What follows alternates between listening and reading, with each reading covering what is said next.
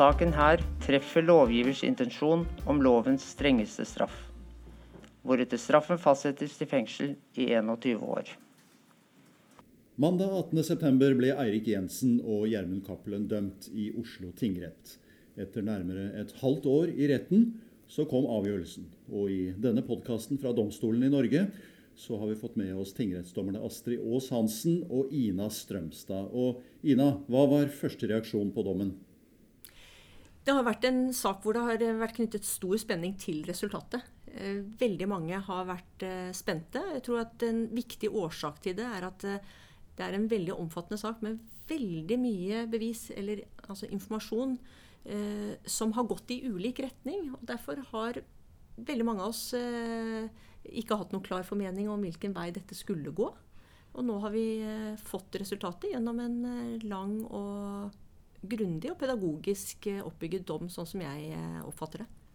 Astrid, du har jo vært forsvarsadvokat. Du er ganske fersk tingrettsdommer. Fra det perspektivet? Ja, òg som forsvarsadvokat så, så vil en jo kunne stole på politiet. Eh, I den forstand at eh, når du da skal eh, forsvare en som er tiltalt, så, så, vil du kunne legge til grunn at de bevisene politiet kommer med, det er ordentlige bevis. Det er ikke noe de har lagd. Eh, du vil stole på at politiet følger boka. Eh, og det må, Som forsvarer så vil du det. Som vanlig medlem av samfunnet så vil en kunne stole på politiet. Eh, og det er klart at når du da plutselig får en politimann som er tiltalt, og for noe som man da har gjort i jobben sin Det er ikke det at en politimann eh, på vei til sommerferie har kjørt for fort, eller at han har drukket for mye. Eller, altså det, er, det, er, virkelig det er, det er, et så grunnleggende tillitsbrudd eh, at eh, ja, det, jeg tror det, det, ryster ved oss alle. Og det tror jeg gjør at uh, vi eh, alle har diskutert saken. Jeg tror det gjør at vi får så stor oppmerksomhet for den. Mm. Og så er det jo disse fem dommerne, da. Som ikke bare skal diskutere den og tenke at Å, jeg vil ikke tenke at, at ikke politiet er skikkelig eller jeg vil ikke tenke at ikke Spesialenheten faktisk har beviser når de går til sak. Men du har altså her fem dommere som måtte frigjøre seg fra det. Gå inn i saken, se på hvilke beviser er det som er blitt presentert for denne anklagen. Og så må de avgjøre den. Vi ville vel kanskje alle sammen tro at han var uskyldig? Pga. nettopp det du sier, vår tillit til politiet? Ja, og det, det er jo utgangspunktet også. Enhver en tiltalt er uskyldig inntil det motsatte er bevist. Og det eh, kan man si er en sånn eh, ja, en festtale å si det, men det er virkelig sant. Eh, Eirik Jensen, andre tiltalte som kommer hit, de er uskyldige inntil det er tilstrekkelig bevis. Og det har altså retten kommet til i dag. At det er, eh, får jeg si, dessverre slik at eh, det er tilstrekkelig bevis for at eh, han har gjort det han er anklaget for. Og det er som Astrid er inne på, dette er så alvorlig. Det, ref, eh, det reflekteres også i straffeutmålingen. Han blir dømt i 21 år, lovens strengeste straff. Og det er jo Eh, nettopp fordi at det tillitsbruddet han har, er dømt skyldig i, er så grovt, eh, det er så fundamentalt for en rettsstat som Norge at vi har tillit til politiet. Eh, at her er det ikke, sier retten veldig tydelig, det er ikke grunnlag for å, å redusere straffen ned fra de 21 årene. Mm.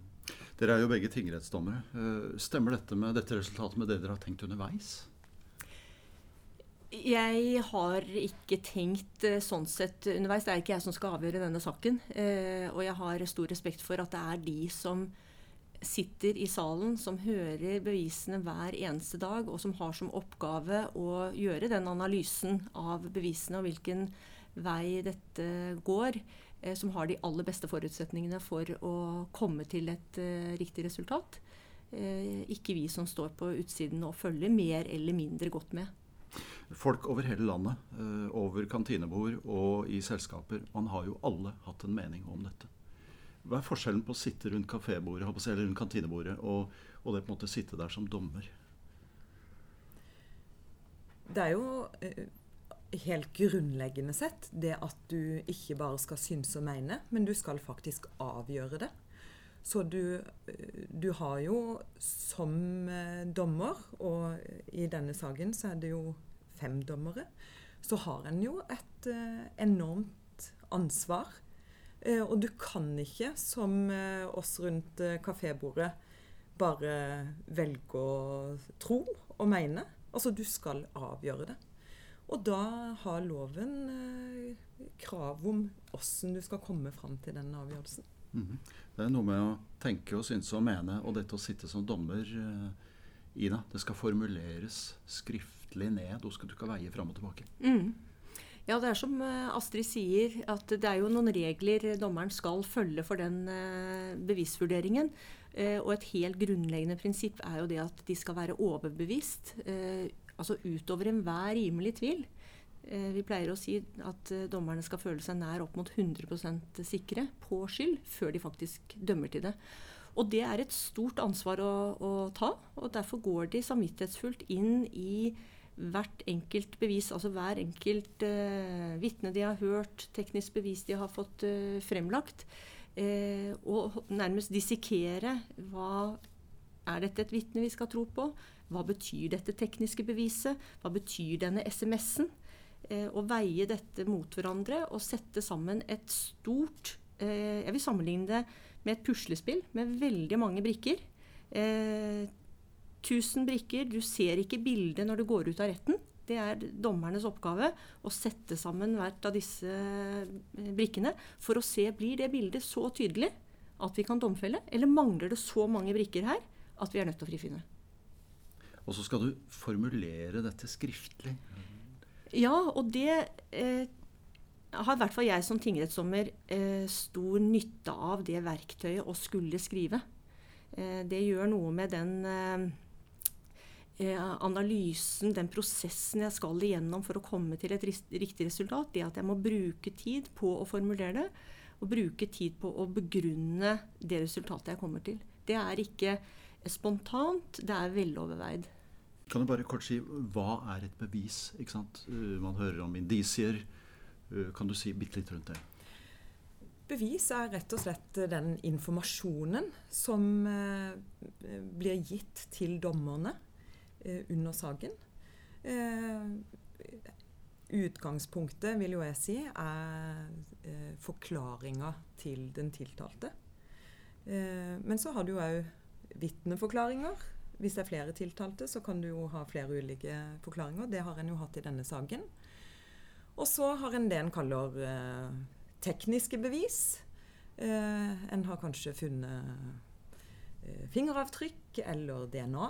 Og en har òg eh, det en kaller taktiske bevis. Og bevis er egentlig eh, summen av all den informasjonen som, eh, som dommerne må gå gjennom og vurdere før en tar en avgjørelse. Hmm. Hva, hva, skiller denne saken? Hva er spesielt ved denne saken? Det er flere ting. Eh, det er et stort omfang. En, en langvarig sak. Det har vært en veldig omfattende etterforskning. Eh, det er en politimann som er eh, tiltalt. Det er selvfølgelig også spesielt. Vi har sett Eh, at det er forsterket rett. altså Dvs. Si at det er flere dommere i, enn i en vanlig sak i tingretten. Vanligvis har vi én fagdommer, altså med juridisk bakgrunn, og to legdommere. Her har vi to fagdommere og tre legdommere. Det gjør jo også saken eh, spesiell. Og også, som vi har sett av mediebildet, at eh, holdt på å si, Norge har delt seg i to. Det har vært fremstått i hvert fall som et veldig eh, usikkert og åpent hva resultatet ville bli. Og så er det selvfølgelig et medietrykk eh, helt uten sidestykke. Mm. Og så er det også 17 000 støttemedlemmer på Facebook. Det har vært et enormt folkelig engasjement også her. Mm. Ja, det, det, er jo òg selvfølgelig veldig spesielt for denne saken. Vanligvis, uh, vil jeg si, så er det jo en tiltalt som ofte alene Eh, går i retten med sin forsvarer, og det er kanskje ingen som, eh, som vet om det engang. Det forbigås nærmest i stillhet, selv om straffesaker er offentlige og avgjørelsen er offentlig tilgjengelig. Så det er klart at eh, det er, en voldsom kontrast til åssen dagliglivet i en eh, tingrett eh, fortoner seg. Men det er jo heller ikke så rart all den stund at en av de tiltalte er en politimann, en høyt betrodd sådan. Mm. I vurderingen så var jo også retten innom straffbar medvirkning. Og her skal vi høre hva rettens leder Kim Heger eh, sa om det i opplesningen av dommen. På bakgrunn av ovennevnte mener retten at allerede ved Jensens kunnskap om Cappelens hasjimport og den forsettlige unnlatelsen av å gripe inn mot denne, har Jensen trådt inn i sirkelen for straffbar medvirkning. Jensen har med åpne øyne blitt med på ferden og solidarisert seg med Cappelens kriminalitet og hans manglende inngripen har medført at Cappelen kunne fortsette hasjimporten. Ja, er det slik at uh, her, allerede her så burde man uh, så, så, ser man hvor det bærer? Jeg tenker jo, eh, apropos eh, samtalene rundt kafébordet, at eh, ja, her eh, skjønner en hvor det bærer hen. Fordi det jeg opplever har vært den store diskusjonen, er jo men hvordan kunne han ikke vite hva Cappelen drev med? Uh, og det er jo det retten her sier. At uh, de tror ikke Jensen på at han ikke visste at Cappelen drev med import av hasj. Uh, og når da dommer Heger på vegne av retten leser opp dette, så vil jeg tro at det søkk en del. Mm. Og der, der sier jo også retten at eh, politimannen Jensen hadde, når han visste, så hadde han en plikt til å gripe inn. Og det jo, skiller seg jo fra si, annen medvirkning, eh, andre personers medvirkning. At det å vite om eh, noe som er straffbart, det gjør ikke at vi blir medvirkere. Det er det vi kaller passiv medvirkning. Det er ikke straffbart. Men fordi han er politimann og har den særlige plikten til å gripe inn ved kriminalitet, så sier retten at eh, han hadde den plikten, og den eh, unnlot han å bruke. Og derfor eh, skjønner vi når vi hører dette avsnittet, at eh, her blir han funnet skyldig i, eh, i medvirkning til hasjvirksomhet. Men så går retten da eh, rett etterpå et skritt videre eh, og går inn på dette som kalles aktiv medvirkning. Har han hatt en mer aktiv rolle? Og det, det ble han også dømt for. En aktiv rolle. Ja, han, eh, han, ble dømt. Og det som nok dommerne her har gjort, er at de, vil jeg tro, de har tatt eh, utgangspunkt i den forklaringa som Jensen har. Og så har de vel spurt uh, seg sjøl og hverandre at hvis han er uskyldig, hvordan kan vi da forklare de og de og de bevisene, og motsatt. Eh, hvis han er skyldig, hvordan står da de andre bevisene opp mot hans eh, forklaring? Eh, og det at, eh, at Jensen da eh, sier at han ikke visste eh, at Cappelen drev med hasjimport, det, det har jo da åpenbart ment at, at resten av bevisbildet ikke støtter opp under. Mm. Og i, i, det temaet aktiv medvirkning så eh, står jo disse, den kontakten mellom Cappelen og Jensen helt sentral. Eh, disse SMS-ene vi har hørt om værmeldinger og blomsterspråk. Og der går jo retten eh, veldig systematisk inn eh, og tar for seg veldig mange av disse SMS-ene. Hvordan skal vi forklare en SMS om klarvær og her er det stille? Eh, kan det la seg forklare med Jensens, eh, det Jensen har forklart, om at dette var værmeldinger? Eh, og, eller lar det seg logisk forklare på en annen måte? Og så har de altså svart at det lar seg logisk forklare ut fra Cappelens forklaring om at dette knytter seg til hans hasjvirksomhet. Men de går altså veldig detaljert og systematisk inn i veldig mange av disse SMS-ene. Det er jo mer enn 1500 SMS-er, så de har naturligvis ikke gått inn på alle, men på veldig mange av dem. Og det er på en måte dette puslespillet som på en måte gir domsslutningen til slutt. Ja.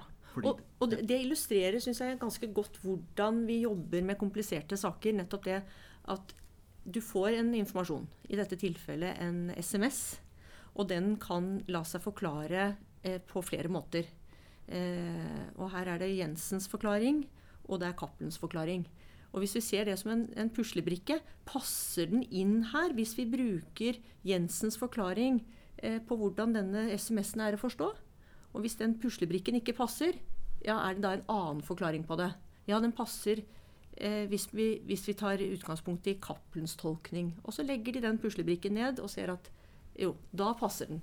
Men vi får det ikke til å stemme hvis vi bruker Jensens forklaring. Det, det syns jeg gjennomsyrer mye av, av, begrunnelsen her. Eh, at det passer ikke hvis, eh, hvis, vi, hvis retten da, bruker Jensens forklaring. Og så er det jo gjerne ikke én SMS eh, eller eh, ett bevis. Det er jo til slutt summen av det. Og derfor tenker jeg jo at det, når Ina bruker eh, dette bildet, puslespillet, at det er eh, et godt bilde på det, bokstavelig talt. Fordi det er, det er, når du får alle disse bevisene lagt ned, at du, eh, at du kan til slutt konkludere opp mot da den tiltaltes forklaring. Stemmer det, eller stemmer det ikke? Og det sier seg jo selv at dette kan man ikke sitte over lunsjbordet i kantina med kolleger og, og legge. Nei, en har jo ikke den eh, informasjonen som eh, trengs. Det, det, har jo kommet eh, veldig mye informasjon i retten. Og samtidig så har en kanskje hva skal jeg si, støy på linja. som du sa, dette er jo en, en svært medieprofilert sak. Og vi har jo lest om det i mange, mange år. så, så hva som er rett og slett støy på linja, og hva som er for bevis å regne som dommerne skal og kan eh, legge vekt på, det kan jo være to forskjellige ting. Det er kun de bevis som er ført i retten under hovedforhandlingen som retten tar i betraktning, jf. straffeprosessloven paragraf 305. Det som ellers måtte ha fremkommet i pressen, bøker og radioprogrammer, er ikke noe retten ser hen til. Ja, Det dommer Heger her sier, vanligvis så er jo ikke det noe problem. For Nei. som dommere så får en en tiltalebeslutning og en bevisoppgave. Og ja. det er det eneste en vet. Det er at uh, ja. politiet mener at det har skjedd en straffbehandling. Uh, og da er det det som kommer fram mens du sitter i retten, som du da noterer, og som du skal bygge avgjørelsen på. Så det er jo veldig spesielt i denne saken, at en hele tida må minne seg på lovens uh, regel om at du skal ikke eh, ta hensyn til hva du har lest eh, de tre foregående åra, eller hva du hører eh, kommentert, eh, enten det er på TV eller radio eller rundt lunsjbordet mens saken pågår. Mm. Ja, og det, det, er jo spesielt eh, i holdt på å si, moderne tid da, at vi får rettsreferater. Her har vi eh, store mediehus som, som, skriver ned alt som blir sagt, og det publiseres på nett eh, minuttet etter at eh, det er sagt. Og dommerne har selvfølgelig tilgang til det, men de kan ikke bruke det. Eh, Sånn var det jo ikke da vi fikk straffeprosessloven. Det var ikke det samme medietrykket. Eh, så dette er noe vi naturligvis må være bevisst på. Eh, og jeg tenker at ja, vi blir selvfølgelig påvirket av at media er til stede, i den forstand at jeg tror vi blir skjerpet av det.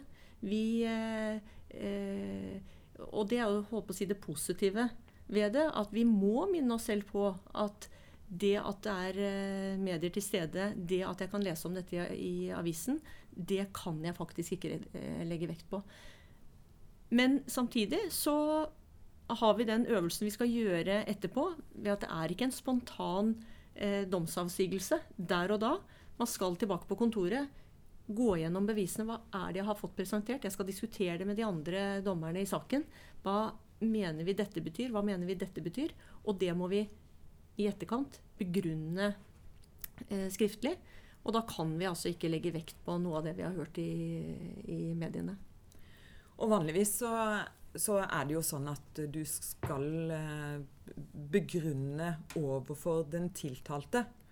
Eh, Hvorfor du domfeller. Hvis du blir frifunnet, så, så trenger en jo gjerne ikke den store begrunnelsen.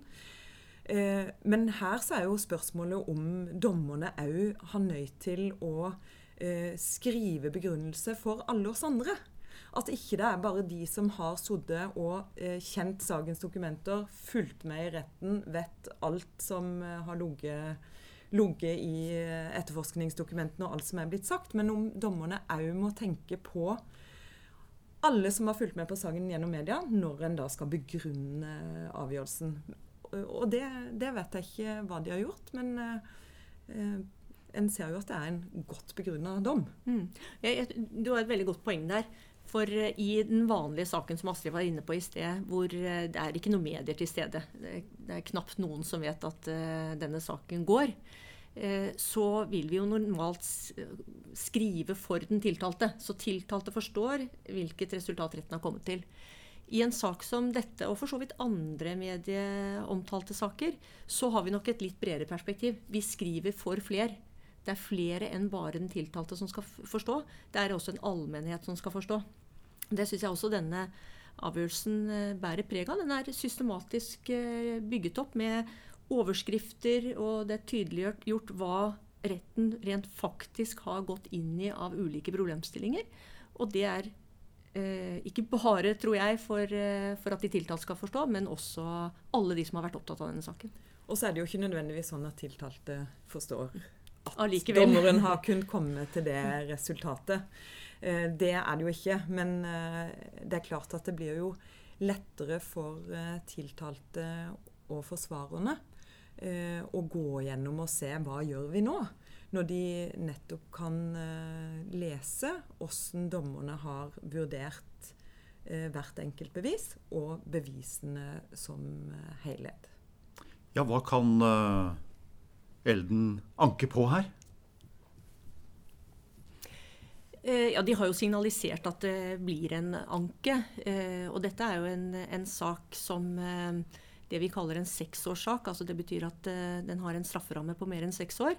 Så der trenger man ikke å begrunne anken så veldig mye, for den slipper automatisk inn i lagmannsretten. I de mindre alvorlige sakene så må man nærmest argumentere overfor lagmannsretten at denne saken den trenger en prøvelse til. Eh, mens i en, en, sak som dette, så er det nærmest eh, bare å, å skrive en setning om at eh, jeg anker eh, over skyldspørsmålet og straffeutmålingen. Og så skal den da ha en ny runde i lagmannsretten. Tenker du at dette, denne avgjørelsen i dag er i tråd med folks rettsfølelse? Jeg tror uh, at uh, ikke siste diskusjon har, er forbi når det gjelder denne saken. Eh, som Mina sier, det er varsla at den blir anka. Det har en vel nesten tatt for gitt. Men jeg tror òg at det kommer til å bli fortsatt samtaler og diskusjoner eh, hjemme og på folks jobb. Ja, og så er jeg jo spent på om eh, folk nå eh, går til mediene for å lese om dommen. Ja. Altså at en eh, tar det indirekte via eh, rettskommentatorene, og hvordan er det de leser den, og hva er det de mener har vært avgjørende her. Ja.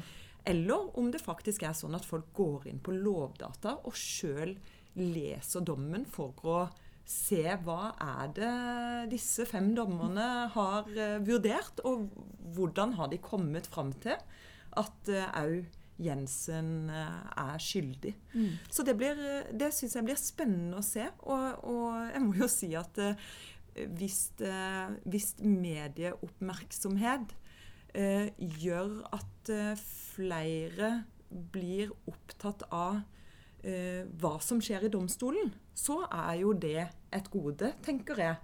Fordi eh, en bør bli fulgt med på.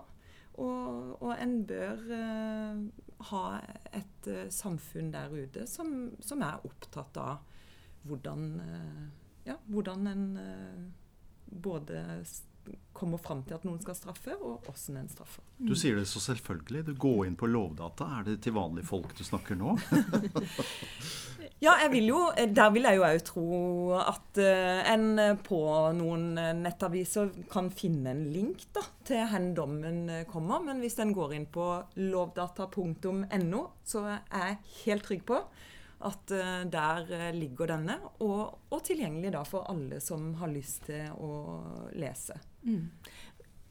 Og det tenker jeg bør være en oppfordring, eh, særlig i disse medieomtalte sakene. For det vi får eh, servert i mediene, det er jo ofte eh, tygget eller vært gjennom et eller annet filter. Eh, mens her får vi altså holdt på å si svaret svart på hvitt.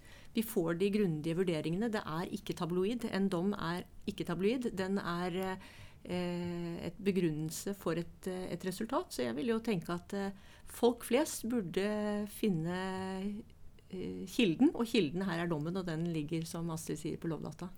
Og noen vil kanskje òg, hvis de har fulgt veldig godt med underveis i saken, så vil en kanskje òg gjøre seg litt mening om den dramaturgien som en ser i media. For det er klart at når, eh, når mediehusene bruker eh, folk, altså ressurser Det koster jo penger for dem å ha folk sittende her og hver eneste dag referere. Så må de jo ha noe å referere om.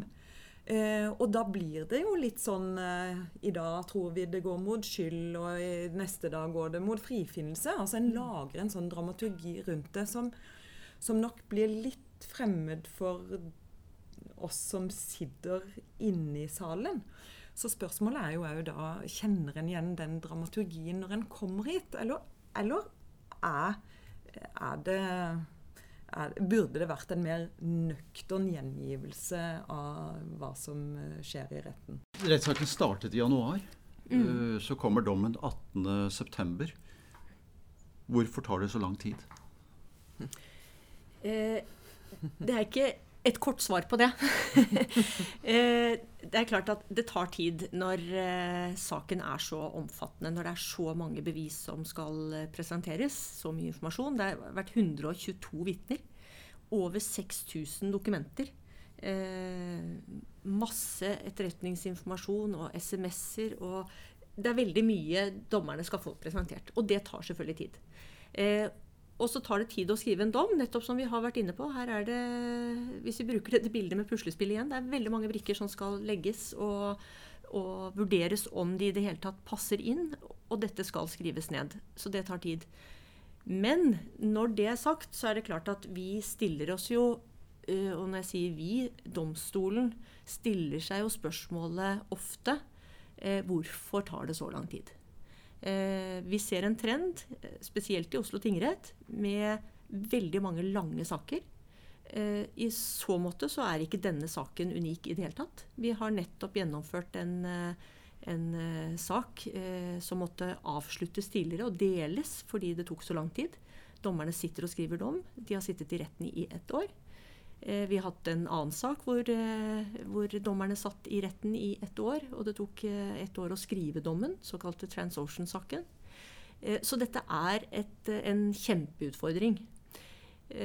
Og noe av grunnen, og dette får stå for min personlige mening, er at det er for liten kontakt mellom påtalemyndigheten og forsvarerne i første omgang. Det er nok en kultur i Norge for at påtalemyndigheten etterforsker de tar ut en tiltale, og så presenterer de den. Og så presenterer de hvilke, hvilken informasjon, hvilke bevis de skal uh, gi til retten. Uten at de har noe særlig kommunikasjon med forsvarerne. Hva er nødvendig, hva er ikke nødvendig. Og så får vi denne saken uh, inn hit til oss. Og da får vi, altså, som Astrid har vært inne på, en tiltale, som er også et anklageskrift. Og en liste over hvilke vitner og dokumenter som skal legges frem. Og det er det dommerne vet om den saken. Det er akkurat det samme i, i Cappelen Jensen-saken. Dommerne har altså, vet ikke mer enn det som står i anklageskriftet. Og så skal man altså da styre en, eh, en hovedforhandling, et rettsmøte, ut fra at man i realiteten ikke vet noen ting. Og det gir seg selv at det er et dårlig kart å styre etter.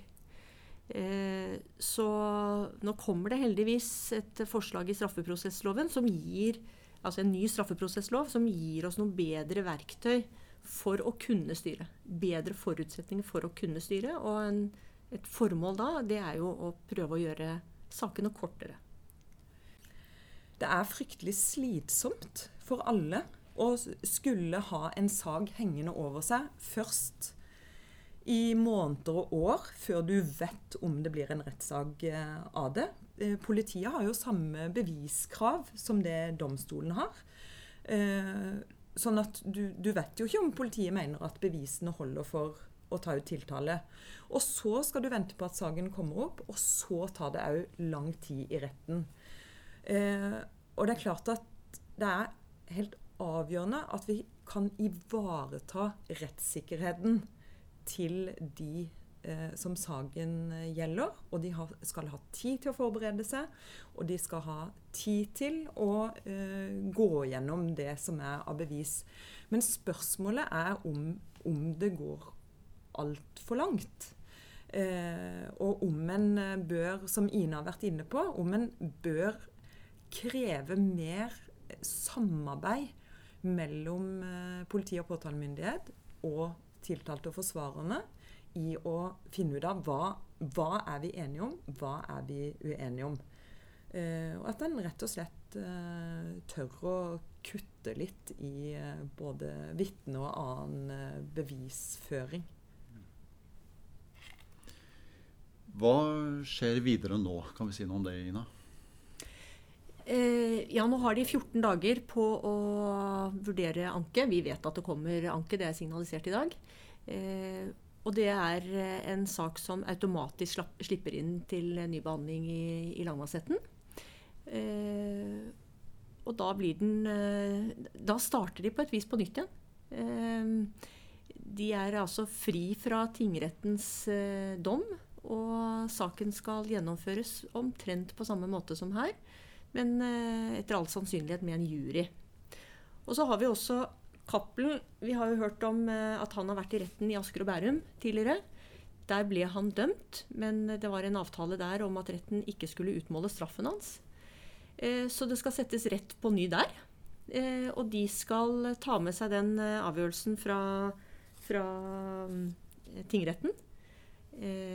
Disse 15 årene han har blitt idømt her og fastsette en ny straffeutmåling med sin sak i Asker og Bærum pluss Oslo tingrettssak. Så siste ord er ikke sagt. Du har nå lyttet til første episode av Rett på sak. En podkast fra domstolene i Norge.